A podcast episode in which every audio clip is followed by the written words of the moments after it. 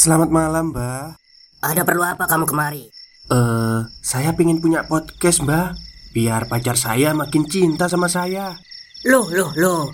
Mau bikin podcast kok tanya dukun? Sekarang kamu download aplikasi Anchor.fm. Di situ kamu bisa buat podcast gratis dan podcast kamu bisa didistribusikan ke platform mana pun. Dan di aplikasi atau website Anchor.fm juga terdapat fitur-fitur yang memudahkan kamu untuk membuat podcast. Oh, gitu ya, Mbak. Kalau gitu, saya boleh minta password wifi-nya, Mbak. Buat apa? Buat download Anchor.fm, Mbak. Vivi hanya tersenyum menanggapi. Dia kembali meraih lengan Kak Tia, lalu mengulang gerakan seperti yang dia lakukan kepadaku. "Kamu pengen nulis ya?" tanya Kak Nana. Vivi mengangguk semangat sambil tersenyum. Dengan sigap Kak Mila pun berlari ke kamar belakang untuk mengambil selembar HVS dan ballpoint Lalu menyerahkannya kepada Vivi Dan di sinilah terjadi percakapan singkat antara kami dan Jin yang sering memasuki tubuh Vivi itu Kamu siapa? Kami mulai melingkari Vivi sambil mencercanya dengan beberapa pertanyaan Vivi mulai menulis, tulisannya sangat berbeda dengan tulisan Vivi yang aku tahu. Vivi menulis dengan huruf balok besar, padahal kami tahu gaya tulisan Vivi itu kecil-kecil. Oh, ini main jalangkung, tapi ini nggak pakai boneka, langsung manusianya ya. Oke, kita lanjut. Kita dia menulis kita mau suka Bastrika Uti Atau artinya aku ingin menyetrika, Sedikit aneh kami rasa antara lucu namun kasihan. Tapi memang demikian yang ditulis oleh Vivi pada saat itu. Vivi masih terdiam, masih tak mengeluarkan sepatah kata pun dari mulutnya. Hanya tangannya saja yang bergerak menulis kamu nggak bisa ngomong ya? Tanya Kak Nur. Iya, jawab Vivi. Aku mau nyetrika, sambungnya. Menyetrika bajunya siapa? Tanya aku sedikit iseng. Karena menurutku jin yang merasuki Vivi ini sungguh unik. Ya, nyetrika baju milik kalian aja Tulis Vivi. Nanti aja ya kalau udah sembuh Jawab Kak Tia Kalian harus menjaga anak ini. Dijaga kenapa? Kan udah gede. Sahut Kak Fanya. Soalnya Ada yang akan mengambil anak ini. Aku sayang sama anak ini. Makanya aku menjaganya. Kalau tidak nanti anak ini akan diambil Sama yang ada di depan itu. Kami saling pandang kebingungan. Tidak mengerti dengan maksud di tulisan Vivi di depan siapa maksudnya? Cecar Kak Nana. Itu yang di pohon besar Sebelah pos satpam. Memang benar. Di dekat pos satpam ada sebuah pohon beringin yang sudah tua. Dalam keadaan sudah terpangkas. Tersisa hanya batangnya dan sedikit akar gantung yang menjuntai. Di depan pohon itu terdapat dua buah kantin asrama Jujur, kantin tersebut memang agak seram menurutku. Suasananya sedikit gelap, meskipun dalam keadaan siang hari dikarenakan terhalang oleh pohon beringin yang tepat berada di depan kantin. Tolong keluar dari tubuh Vivi. Kalau kamu betul sayang dengannya, jangan masuk ke tubuhnya. Lihat, karena ulahmu, dia jadi nggak bisa ikut kegiatan di asrama. Kak Mila seketika menjadi bijak. Lalu Meminta jin tersebut meninggalkan tubuh Vivi. Kak Mila duduk paling dekat dengan Vivi. Oh ya Di antara semua penghuni blok F1 Kak Mila lah yang paling religius Jilbabnya syari. Dia termasuk senior di blok kami yang akrab dengan pengurus Aspuri. Sebentar lagi hari mulai gelap Jin yang merasuki Vivi tiba-tiba keluar begitu saja. Vivi kemudian mandi dan bersiap-siap untuk sholat. Vivi ini sangat taat beragama. Dia tidak pernah melewatkan kewajiban sholat lima waktunya. Namun, yang sangat membuatku penasaran mengapa dia sering kesurupan.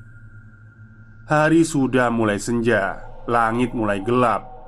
Cahaya jingga menghiasi langit di bagian barat kota Gorontalo. Suasana di Blok F1 kembali normal seperti biasanya. Tidak ada aktivitas berarti Nampak Vivi tengah melaksanakan sholat maghrib Dengan pintu kamar yang sengaja dibuka Kak Nur yang saat itu tengah berhalangan dan posisinya sedang duduk di sisi pintu kamar tempat Vivi berada Aku sendiri sedang duduk di atas meja kayu di ruang tengah. Sebelah kamar Kak Nur. Menunggu untuk giliran mandi. Astagfirullah. Tiba-tiba kami dikejutkan dengan seruan Kak Nur yang sedang menatap ke dalam kamar tempat Vivi melaksanakan sholat. Sebelum itu terdengar suara buk Seperti benda terjatuh dari lantai Aku langsung merespon jeritan Kak Nur Kenapa kak? Aku penasaran lalu turun dari atas meja Mendekat ke tempat Kak Nur Kak Fanya dan Kak Mila terlihat keluar dari kamar dan menyusul. "Ada apa sih?" ucap Kak Mila kepo disusul Kak Fanya yang masih memakai mukena. "Vivi pingsan tuh. Tadi aku sempat lihat pas selesai salam dia langsung jatuh." Jawab Kak Nur. Kami berempat perlahan mendekati Vivi yang tak bergerak dengan posisi telungkup ke kanan. Wajahnya terhalang mukena Benar. Vivi pingsan lagi dan dia tidak merespon saat Kak Mila memanggil namanya. Kami tak tahu jika malam ini akan menjadi malam perkenalan dengan jin yang sering merasuki tubuh Vivi. Tiba-tiba Vivi bangkit kembali Melepas mukena dengan gerakan lemah gemulainya Kak Mila kemudian mencoba mendekati Vivi. Kami mengikuti dari belakang Disusul oleh Kak Tia dan Kak Nana dari kamar mandi. Kamu gak apa-apa Vi? Tanya Kak Mila. Vivi tidak menanggapi. Dia hanya tersenyum menatap kami Seperti yang sudah-sudah setiap kali dia kesurupan Vivi melakukan gerakan menulis di lengan kirinya Kami sudah mengerti maksudnya Tanpa pikir panjang langsung mengambil HVS dan ballpoint yang diletakkan di atas lemari ruang tengah. Kemudian menyerahkan kepadanya. "Tutup pintunya." Vivi mulai menulis. Kami sudah berkumpul di kamar Kak Nana dan Kak Tia. Aku yang paling merasa muda langsung menutup pintu depan. Sedikit bingung mengapa Vivi meminta kami untuk menutup pintu blok F1 Tapi karena menurut kami itu hal yang wajar. Karena setiap menjelang maghrib pintu blok selalu kami tutup. Jangan menerima laki-laki ke sini. Jangan izinkan mereka masuk. Vivi menulis lagi. Gak ada, cuma ada kita di sini Jawab Kak Mila Saat itu kami duduk di atas kasur Kak Tia Yang lain berdiri di sisi tempat tidur Karena memang tidak muat Aku senang dengan kalian Kalian semua baik padaku. Kami semakin tertarik untuk berdialog dengan jin yang sekarang sedang berada di dalam tubuh Vivi. Sepertinya dia bukan jin yang suka mengamuk atau memberontak, seperti yang aku lihat di TV. Namun, kami harus tetap waspada, sebab jin sering melakukan tipu daya untuk menyerumuskan manusia dalam kemaksiatan. Pokoknya, kalau ada laki-laki yang datang, jangan kalian izinkan masuk ya. Vivi mengulangi permintaannya untuk tidak mengizinkan tamu laki-laki masuk. Sebentar lagi adzan Isya dan kami masih berdialog dengan jin yang berada di dalam tubuh Vivi. Aku mau kenalan boleh? Tulis Vivi lalu menyebarkan pandangannya kepada kami yang ada di situ. Boleh dong, jawab Kak Mila Dan kami hanya menyimak Kamu siapa? Tanya Vivi lalu menunjuk Kak Mila dengan ballpoint Saya Mila. Jawab Kak Mila sambil meletakkan tangan kanannya di dada. Dan selanjutnya mengenalkan satu persatu kami yang ada di situ. Nama kamu siapa? Lanjut Kak Dia. Kak Mila maksudnya. Namaku Sakdia.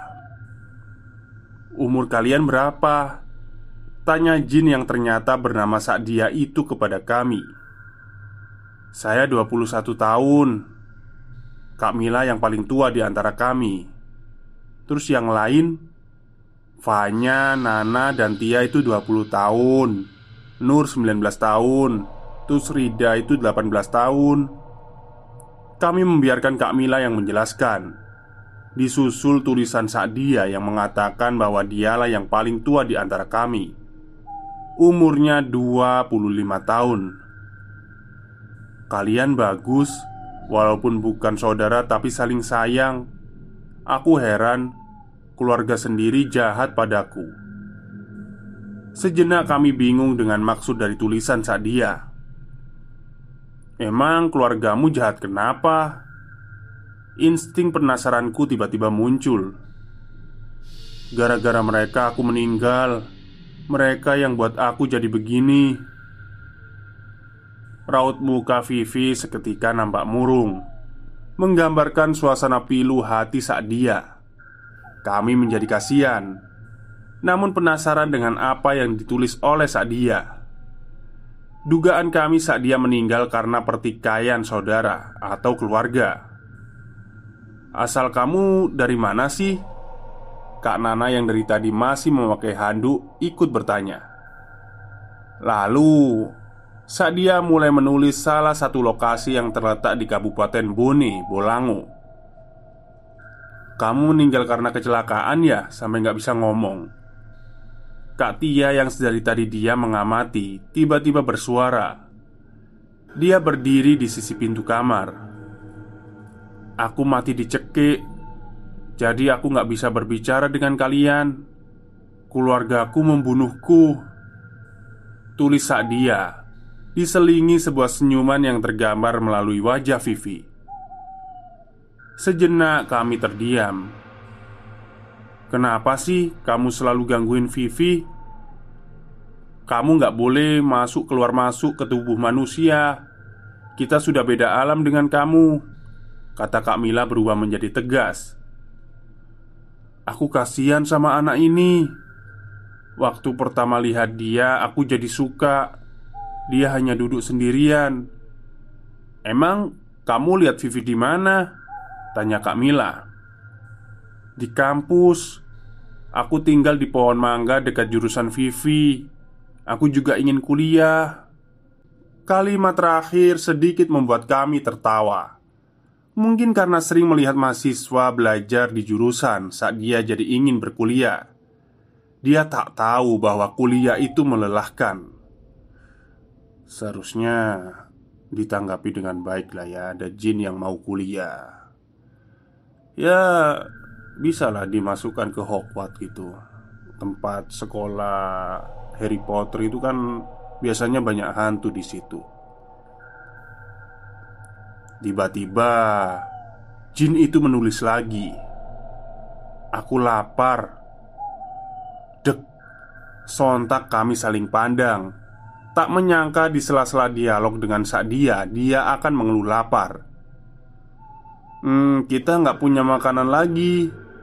Eh, ada sih sisa nasi siang tadi. Kak Nur yang paling rajin memasak nyeletuk. Kak Mila menyikutnya. Seolah-olah tidak setuju atas tanggapan Kak Nur.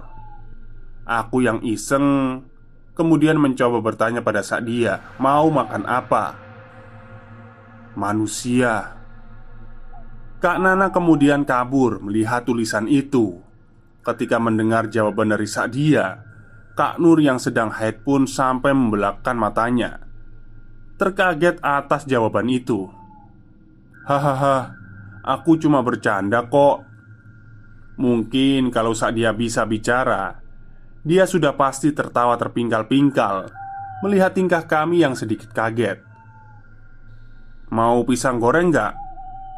Entah mengapa terlintas di pikiran Kak Fanya menawarkan pisang goreng Memang, pada kenyataannya hanya pisang goreng lah Yang bisa dijangkau oleh budget kami Kak Fanya pun bergegas menuju kamarnya Melepas mukena lalu berganti baju Pergi membeli pisang goreng Stop, stop. Kita break sebentar. Jadi gimana? Kalian pengen punya podcast seperti saya? Jangan pakai dukun, pakai Anchor. Download sekarang juga. Gratis.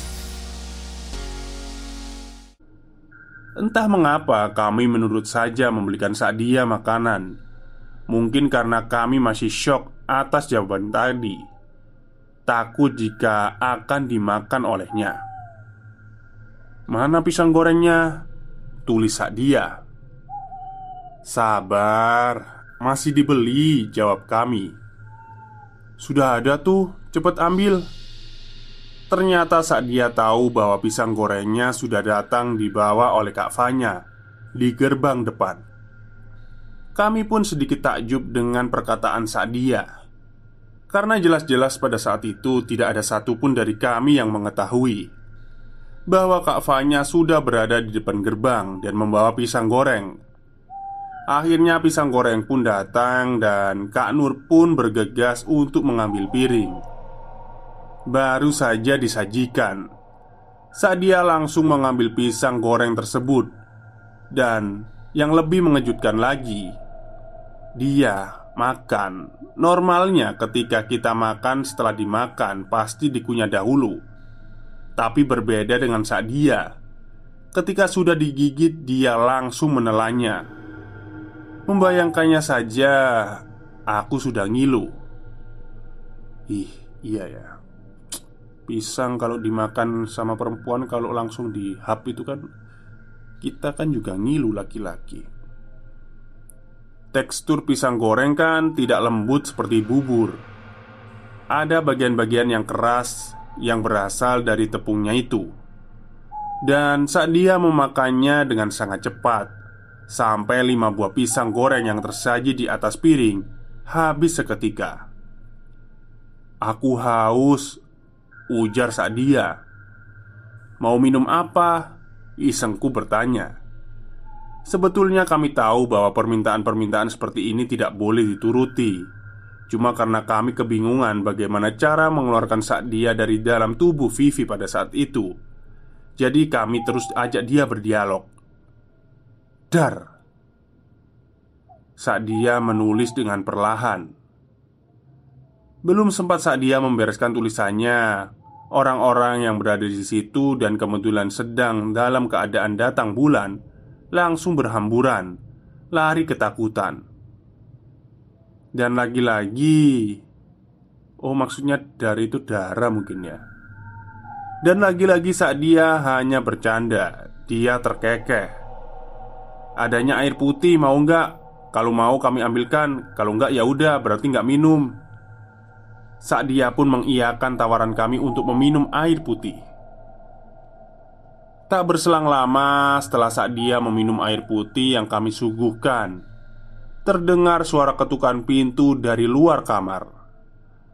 Setelah kami melihat yang datang ternyata adalah seorang senior Yang berasal dari daerah yang sama dengan Vivi.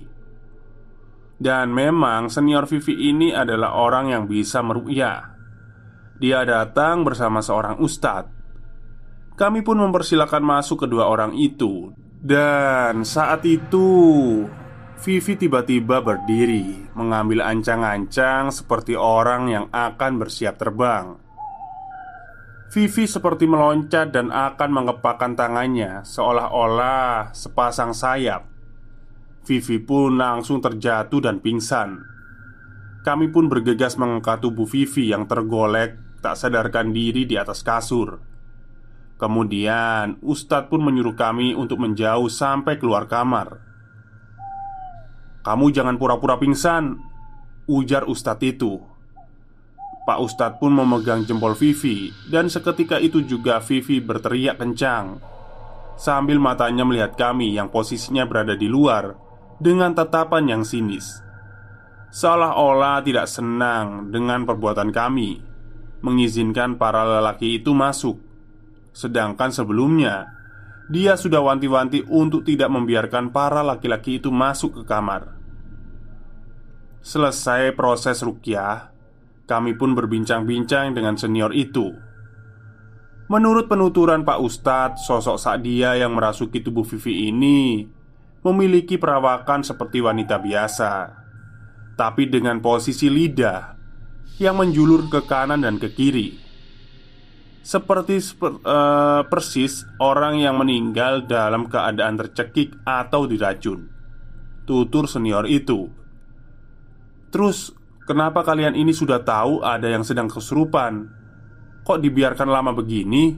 Bukannya nyari pertolongan, malah diajak ngobrol. Sampai dikasih kertas segala buat nulis. Lain kali, kalau ada Vivi sampai kayak gini lagi, langsung hubungin saya. Sambungnya dengan tegas. Singkat cerita, proses ru'ya itu selesai saat dia berhasil dikeluarkan dari dalam tubuh Vivi. Vivi berangsur pulih dan membaik. Vivi pun memutuskan untuk pulang ke kampungnya dan melanjutkan pengobatannya. Tapi tanpa sepengetahuanku Tiba-tiba di suatu pagi Vivi kembali ke Asburi Ketika itu aku sedang tiduran di kamar belakang. Vivi pun mengetuk pintu kamarku. Dan aku pun mempersilahkannya untuk masuk Gimana Vi kabarnya setelah pulang kampung? Kamu sudah pulih atau belum? Tanyaku Vivi tidak merespon. Dia hanya diam sambil melihat terus ke arahku. Tiba-tiba dia menarik tangan kananku dan menunjukkan isyarat menulis dengan tangan kanannya. Aku pun berteriak, takut kejadian yang sama terulang kembali. Vivi pun tertawa terbahak-bahak melihat responku yang begitu ketakutan. Dia pun mengaku hanya mengusiliku saja. Aku udah diobati sama nenekku waktu kemarin pas pulang kampung Katanya. Aku diberitahu sama nenekku kenapa aku sering kesurupan. Katanya Waktu SMP sempat dikasih jin penjaga sama nenekku. Nah Pas kuliah ini Aku dikasih jimat bentuknya cincin. Nah ternyata jin penjagu, penjagaku ini ngikutin aku terus dengan mediasi cincin ini. Dan energi yang ada di cincin ini Aku tuh bentrokan sama energi yang ada di dalam asrama ini. Jadi pas pulang kemarin aku dimandiin sama nenekku. Cincinnya diambil kembali. Sekarang aku udah normal kok seperti biasa. Jelas Vivi panjang lebar Sekembalinya Vivi dari pulang kampung Benar saja dia pun sudah tidak pernah kesurupan dan bisa menjalani aktivitas perkuliahan dengan normal. Begitu juga dengan aku, sudah tidak mengalami hal-hal aneh lagi dan hanya disibukkan dengan aktivitas perkuliahan. Maaf kalau nggak seru, hanya ingin berbagi sedikit pengalaman mistis yang pernah aku alami di masa perkuliahan dulu. Peringatan, jangan banyak ngelamun dan gak usah pakai jin-jin penjaga dan sejenisnya ya yang ada malah bikin hidup kita ruwet, tambah ruwet. Mending banyakin ingat sama Allah biar hati tenang. Sekian dulu, sampai jumpa di kisah-kisah berikutnya. Viewers, terima kasih. Baik, itulah cerita panjang ya, bukan singkat ini. Cerita panjang dari Pusara Waktu, Twitternya Pusara Waktu tentang seorang wanita yang kesurupan.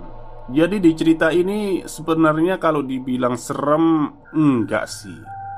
Cuman lebih ke arah apa ya? Belajar pengalaman aja. Cuman kalau masalah seremnya sih kurang ya.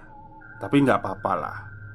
Oke, mungkin itu saja yang bisa saya sampaikan pada malam hari ini. Kurang lebihnya saya mohon maaf. Wassalamualaikum warahmatullahi wabarakatuh.